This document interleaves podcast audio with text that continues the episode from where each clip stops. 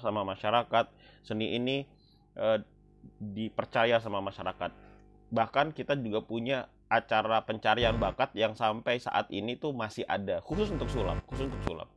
Dari mulai tahun 2009 sampai dengan 2019 2020 kemarin artinya udah 10 tahun acara pencarian bakat sulap tuh selalu ada selalu ada. Artinya ini diuntungkan. Beda dengan seni-seni seperti membaca puisi nggak ada acara uh, ajang pencarian bakat penulisan puisi itu nggak ada.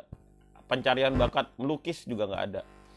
Jadi uh, dan kalau lo lihat uh, di dunia sulap Indonesia sebenarnya prestasinya lumayan lumayan tidak jelek-jelek amat. Uh, banyak orang-orang yang bisa meletakkan karyanya di uh, di distributor-distributor uh, alat sulap di dunia itu udah banyak. Sekarang udah jadi suatu hal yang mudah, jalurnya udah terbuka. Udah terbuka lebar. Ada pesulap-pesulap yang jadi konsultan pesulap luar negeri. Uh, terus kemudian bahkan pemenang ajang pencarian bakat paling besar di Asia itu datangnya dari orang Indonesia. Ajang pencarian bakat terbesar di dunia itu ada orang Indonesia di sana. Bisa Kristiana dan Demian Aditya artinya adalah sulap di Indonesia sebenarnya nggak jelek-jelek amat. Nggak jelek-jelek amat. Nah cuman ada beberapa gerakan yang menurut gua itu bisa menjadi solusi buat teman-teman supaya menjadi pesulap yang jauh lebih baik. Lawan kita saat ini adalah teknologi. Teknologi itu membuat penikmat kita cenderung berubah. Cenderung berubah. Yang selama ini dijual oleh sulap di Indonesia adalah bukan di Indonesia sebenarnya yang dijual oleh sulap di dunia adalah trik guys. Jadi rahasia. Jadi ketika kita menyodorkan itu ke dalam uh, di dalam teknologi maka yang dilihat orang adalah yang dicoba untuk dibobol oleh orang lain adalah rahasia. Ini menjadi PR kita bersama. Nah apa bedanya? Cuman ada hal yang mengganjal buat gua tentang perkembangan sulap di Indonesia. Gue tekankan sekali lagi, apakah jelek? Enggak, gue bilang bagus. Perkembangan sulap Indonesia bagus. Oke, buat gue itu suatu hal yang oke. Masih ada kekurangan, ya, tapi buat gue ini suatu hal yang oke, yang bagus. Udah cukup, udah cukup bagus. Kita ini udah jalan di jalan yang benar. Cuman ada beberapa habit yang gue khawatir untuk ke depannya itu menjadi habit yang semakin buruk buat kita. That's why gue membuat gerakan namanya buat arus. Buat arus ini adalah gerakan di mana kita untuk mengembalikan habit sulap untuk interaksi langsung ke penonton. Interaksi langsung ke penonton. Membiarkan masyarakat untuk membuka pintu sebesar-besarnya kepada masyarakat untuk menikmati sulap secara langsung itu namanya itu gerakan buat arus. Kenapa menurut gua ini gerakan? Karena gua khawatir bahwa ke depannya habit ini udah tidak ada lagi di kalangan pesulap. Habit ini ini sudah sudah tidak lagi menjadi habit di kalangan pesulap. Padahal di luar negeri di mana pun itu semua pesulap berlomba-lomba untuk bisa tampil langsung di depan masyarakat karena eh, karena harga yang paling nggak bisa dibayar oleh pesulap adalah tepuk tangan penonton reaksi penonton itu yang nggak yang nggak bisa dibayar oleh penonton oleh uh, oleh uh, pesulap gitu, priceless. Nah gue akan mundur sedikit di uh, dari mulai sulap di tahun 19 eh dari eh sulap dimulai dari tahun 2009 mungkin sebelum 2000 dari ah, ya gua gua gua bingung nih. Mungkin kayaknya dari tahun 2000-an sampai sekarang timelinenya seperti itu. Uh, ada habit yang terbangun oleh generasi-generasi seterusnya. Dari tahun 2000-an sampai tahun 2010 mungkin itu habit yang muncul adalah lo main sulap harus di TV lo di, akan diakui sebagai pesulap kalau lo masuk TV. Itu adalah habit. Maka semua pesulap akan berlomba-lomba untuk bagaimana caranya supaya TV able. dandanannya mirip Deddy Corbuzier cara bicaranya mirip Deddy Corbuzier mirip Romy Rafael mirip Bo Vernon mirip Ogi Artemus semuanya harus ber, beranggapan bahwa ini TV-able nah setelah era itu muncul era kedua yaitu era corporate industrinya sudah mulai bangun di sana. E, maka semua pesulap akan berlomba-lomba gimana caranya menjadi corporate able supaya bisa dipanggil di corporate besar, supaya bisa dipanggil e, dipanggil di acara ulang tahun, supaya bisa di hire nunggu job. Bahkan sampai saat ini udah seperti itu. Dan di era-era sekarang itu habitnya muncul lagi yang baru, yaitu main sulap di sosial media. Maka setiap pesulap itu akan berlomba-lomba untuk bagaimana caranya gue bisa main sulap di sosial media. Karena hitnya banyak followersnya banyak dan lain sebagainya. Bangun tidur pesulap akan ngulik bagaimana caranya bermain di sosial media. Gua apakah itu buruk? Enggak itu enggak buruk gue tekankan sekali lagi bahwa gue di sini bukan against sama TV gue pernah masuk TV gue bahkan sampai saat ini gue bekerja di belakang layar di TV gua mendukung uh, pesulap yang ada di TV. Bahkan gua memberikan label bahwa mereka adalah wajah sulap di Indonesia. Lalu kemudian apakah gua against sama magician di corporate? Tidak. Gua punya company yang masih menjual diri gua untuk main di corporate. Bahkan sebelum pandemi gua masih show untuk untuk satu corporate. Gua masih jualan di corporate. Apakah gua against sama magician buat perform di di sosial media tidak juga gua, bahkan gua ada satu playlist sendiri di YouTube gua ini kalau lo lihat di YouTube gua itu ada Finals on Stage itu isinya gua main sulap di sosial media gua gak again sama dua-duanya yang gua khawatirin cuman ada habit yang harusnya ada di dunia sulap Indonesia tapi tidak terbangun di kita apa itu habit main di panggung habit perform di panggung sekarang gini guys kalau lo main di TV itu arah industrinya berbeda. Ada pakem-pakem yang nggak boleh lo langgar ketika lo berperform di TV. Ada pakem nggak semua sulap bisa dimainin di TV. Thanks God untuk uh, trilogi Magic Factory yang tahu gua yang selama ini gua bekerja bareng beliau uh, dan Deddy Corbuzier juga yang berhasil memperjuangkan ideologi, eh ideologi, idealismenya mereka itu untuk bisa uh, uh, fit sama yang ada di TV dan itu butuh gontokan lumayan banyak. Itu butuh butuh uh, ngotot-ngototan sama orang TV itu lumayan banyak. Karena TV punya standar uh, trilogi Magic Factory itu punya standar Magic tuh harus seperti ini. Jadi dan itu gontokannya lumayan keras. Gontokannya lumayan keras. Gua gua hadir di situ makanya gua tahu gitu. nah kesimpulan gua adalah gak semua Magic itu bisa dinikmati oleh masyarakat ketika di TV lalu masuk ke era corporate. Yang nonton lu adalah orang yang bisa bayar lu kan yang nonton lu adalah orang yang bisa bayar lu. Uh, maksud gue gini ya ya memang bener ya yang nonton lu bisa bayar lu tapi maksud gue gini yang nonton lu adalah cuman sekelibet orang doang cuman cuman sedikit orang yang bayar lu di situ gak peduli sama karya lu. Maka yang penting adalah klien senang dan happy. Penonton puas. Selesai. Itu tugas lu. Makanya ada uh, apakah ini bagus untuk industri? Ya, ini bagus banget gitu. Apakah ini bisa memberi makan pesulap? Ya, ini bisa memberi makan pesulap. Kalau lo memang bikin main sulap untuk buat cari duit, ya maka this is jalur yang tepat menurut gue.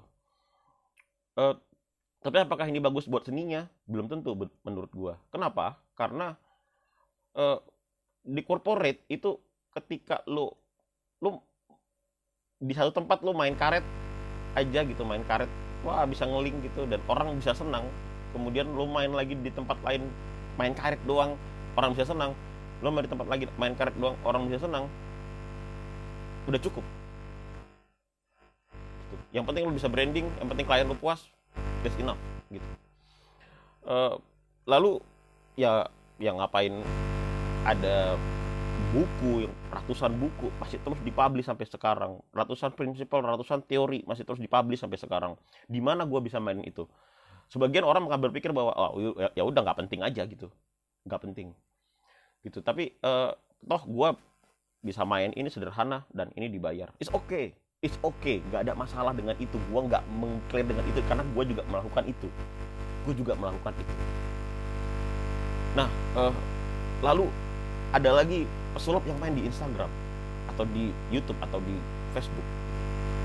Beli alat ori eh, beli ya beli satu dua alat dia bilang wah ini bagus ini visual ya cuman bisa dimainin di depan kamera dan gua main hits gua banyak like gua selesai. Besok bangunnya besok besok besok lagi gua akan ngeliat lagi di sosial media wah ada yang jual ini nih ini bagus gua beli lagi gua main lagi di sosial media.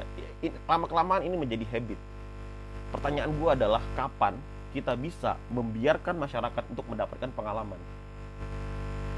Karena yang indah dari sulap, guys, yang indah dari sulap adalah penonton lo mendapat pengalaman. Sulap adalah satu-satunya seni yang lo nggak bisa ngelakuin sendiri. Yang bisa membantu orang untuk berinteraksi, disentuh penonton ini yang hilang menurut gue ini yang nggak pernah lagi menjadi habit. Kita tuh nggak ada yang bangun tidur gue mau show di mana ya? Oke gue mau show di sini gue buka pintu orang nonton orang datang ke gue terus buka dan gue bisa dapat uang di sana. Industri ini tuh mati. Gue nyebutnya adalah industri independen atau industri mandiri.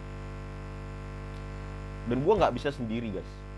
Di luar negeri ini banyak. Di, di Malaysia ada Genting Island uh, yang pesulap ada di situ. Lo kalau mau nonton sulap lo mesti bayar tiket dan kemudian lo nonton sulap.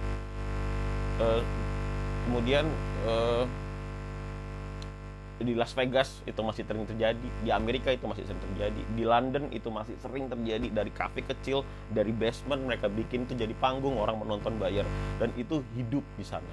Pesulap bisa makan dari sana mereka bermain sesuka hati mereka. Mereka bermain seperti apa yang ilmu yang pengen mereka mainkan. Lalu penonton akan ya uh, penonton yang appreciate sama mereka adalah penonton yang bayar orang yang nonton kita adalah orang yang appreciate sama kita. Gue khawatir kalau seandainya sulap habitnya ada di Instagram atau di sosial media gue khawatir penonton itu nggak bisa membandingkan antara lu dan Zack King. Ini khawatir gue aja sih. Yang tahu itu sulap atau itu editan kan cuma pesulap. Orang awam nggak tahu. Orang awam nggak tahu menurut nah begitu juga dengan magician yang ada di TV TV itu butuh standar. Industri TV itu butuh standar dan itu gak gampang. That's why Ogi Artemu selalu bilang jangan jadi pesulap lu karena gak gampang. Asli gak gampang. Kerja kerasnya berlipat-lipat. Begitu juga dengan di corporate. Ketika lu fuck up maka semua pesulap fuck up. Maka semua IO gak mau lagi pakai pesulap. Semua klien gak mau lagi pakai pesulap. Standarnya itu susah. Nah kapan kita bisa membiarkan masyarakat untuk bisa menyentuh sulap sama sekali That's why gue mengajak lo untuk buat arus. Lo bikin satu satu gue akan bikin satu pergerakan di mana kita buka pintu.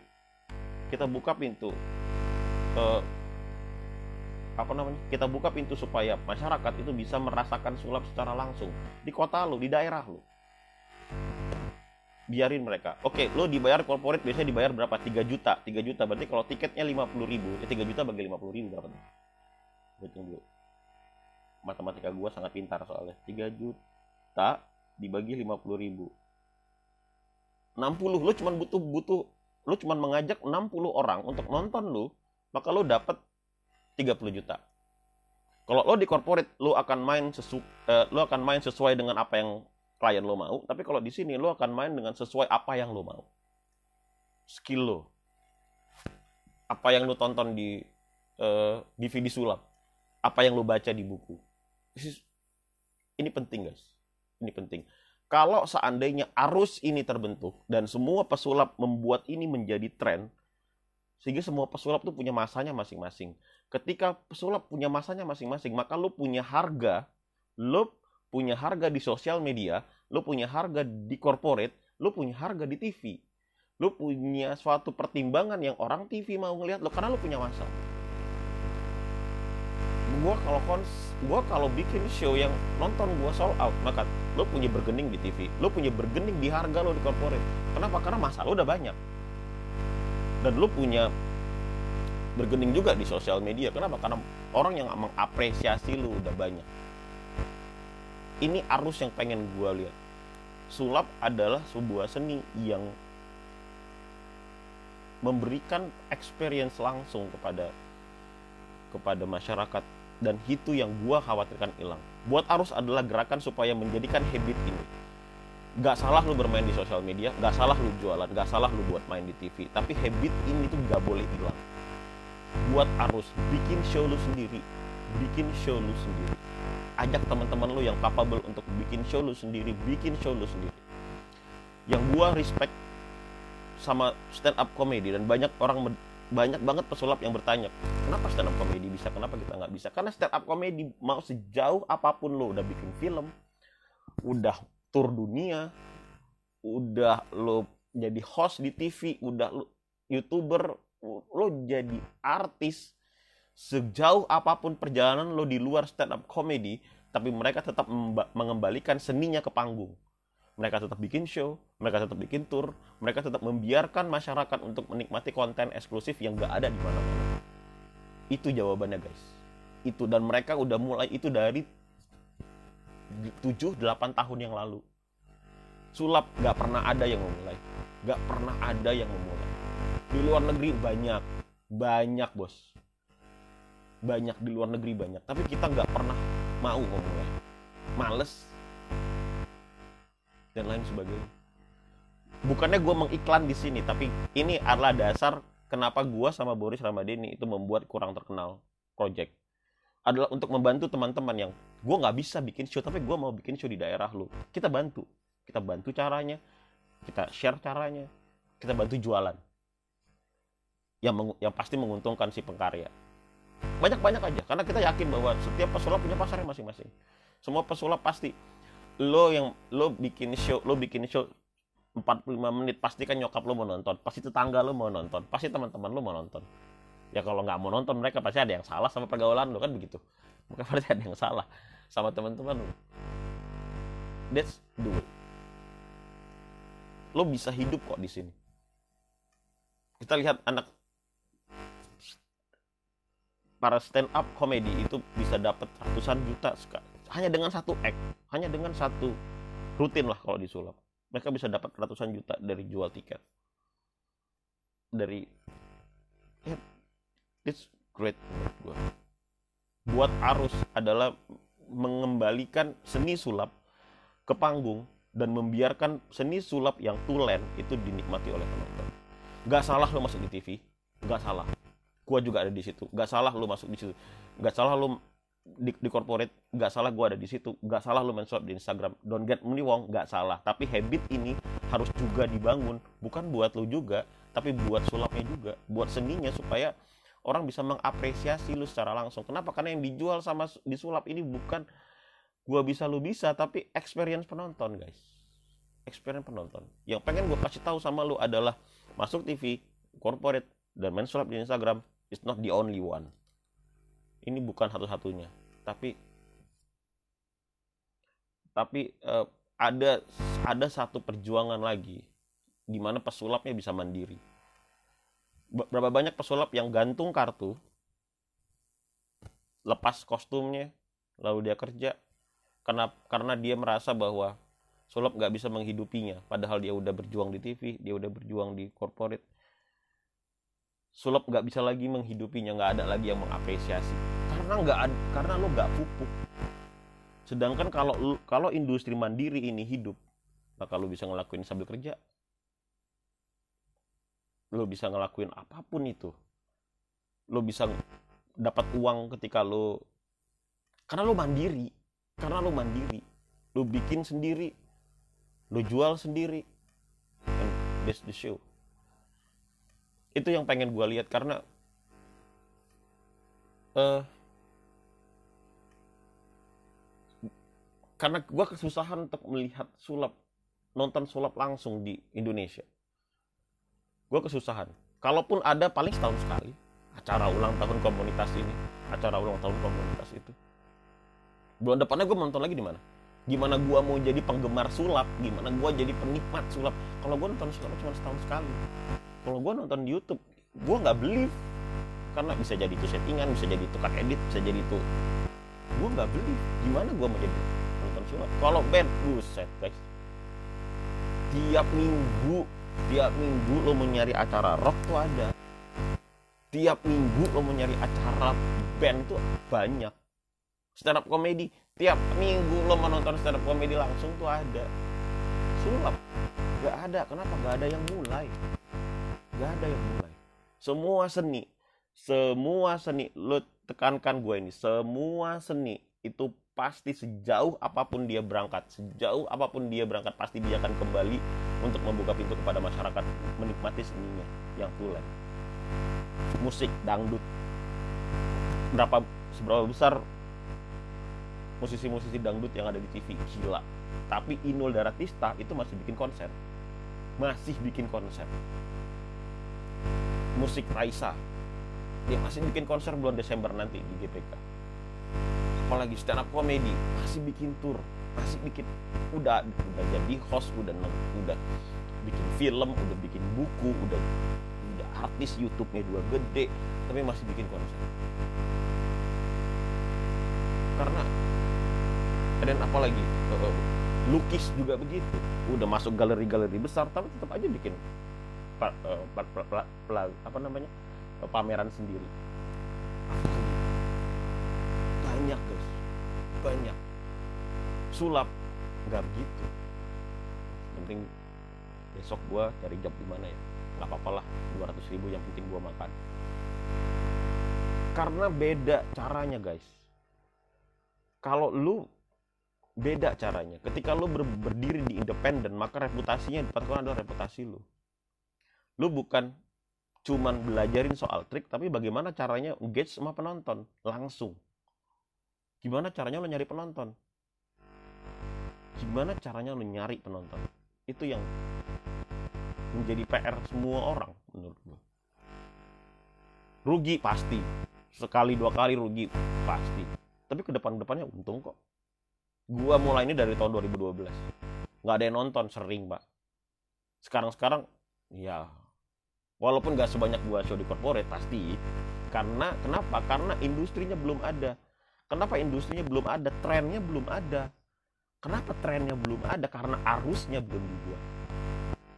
So hari ini gue pengen bikin ini jadi tren. Supaya orang tahu kalau nonton sulap bukan di TV nonton sulap bukan di YouTube nonton sulap ya di panggung. Lo boleh tanya sama awam, di mana dia pernah nonton sulap.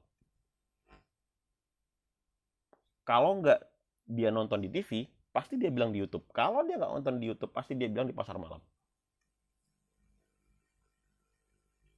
Kapan dia bisa nonton sulap dengan yang prepare? Nggak pernah ada, Pak. Nggak pernah ada. Ini lubang hitam di seni kita yang harus kita buat. Yang harus kita bangun. Kalau tidak, kalau tidak, ketika TV berganti tren, ketika corporate semakin banyak pesulap yang fuck sehingga corporate nggak mau lagi pakai pesulap, ketika lo banyak pesulap yang menjadikan habit di sosial media sehingga di komennya banyak yang ngebongkar sulap, gue khawatir sama masa depan sulap di Indonesia. Kenapa? Karena seni independennya nggak dibangun, karena trennya nggak dibangun.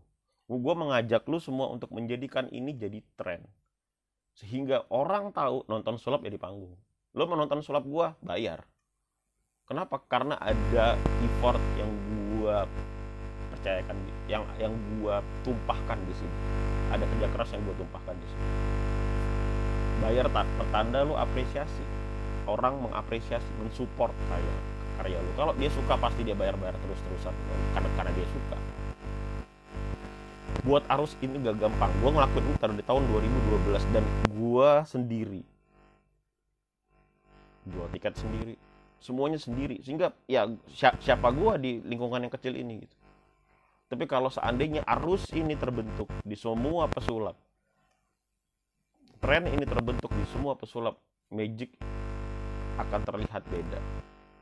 Orang nggak mungkin bisa ngehackerin lo di YouTube kalau lo kalau lo nonton langsung. Gimana caranya? Orang nggak sempat berpikir ke sana karena orang udah ngerasa puas sama pertunjukan nggak mungkin lagi diulang-ulang lagi diulang diulang diulang diulang. Nggak mungkin. Sedet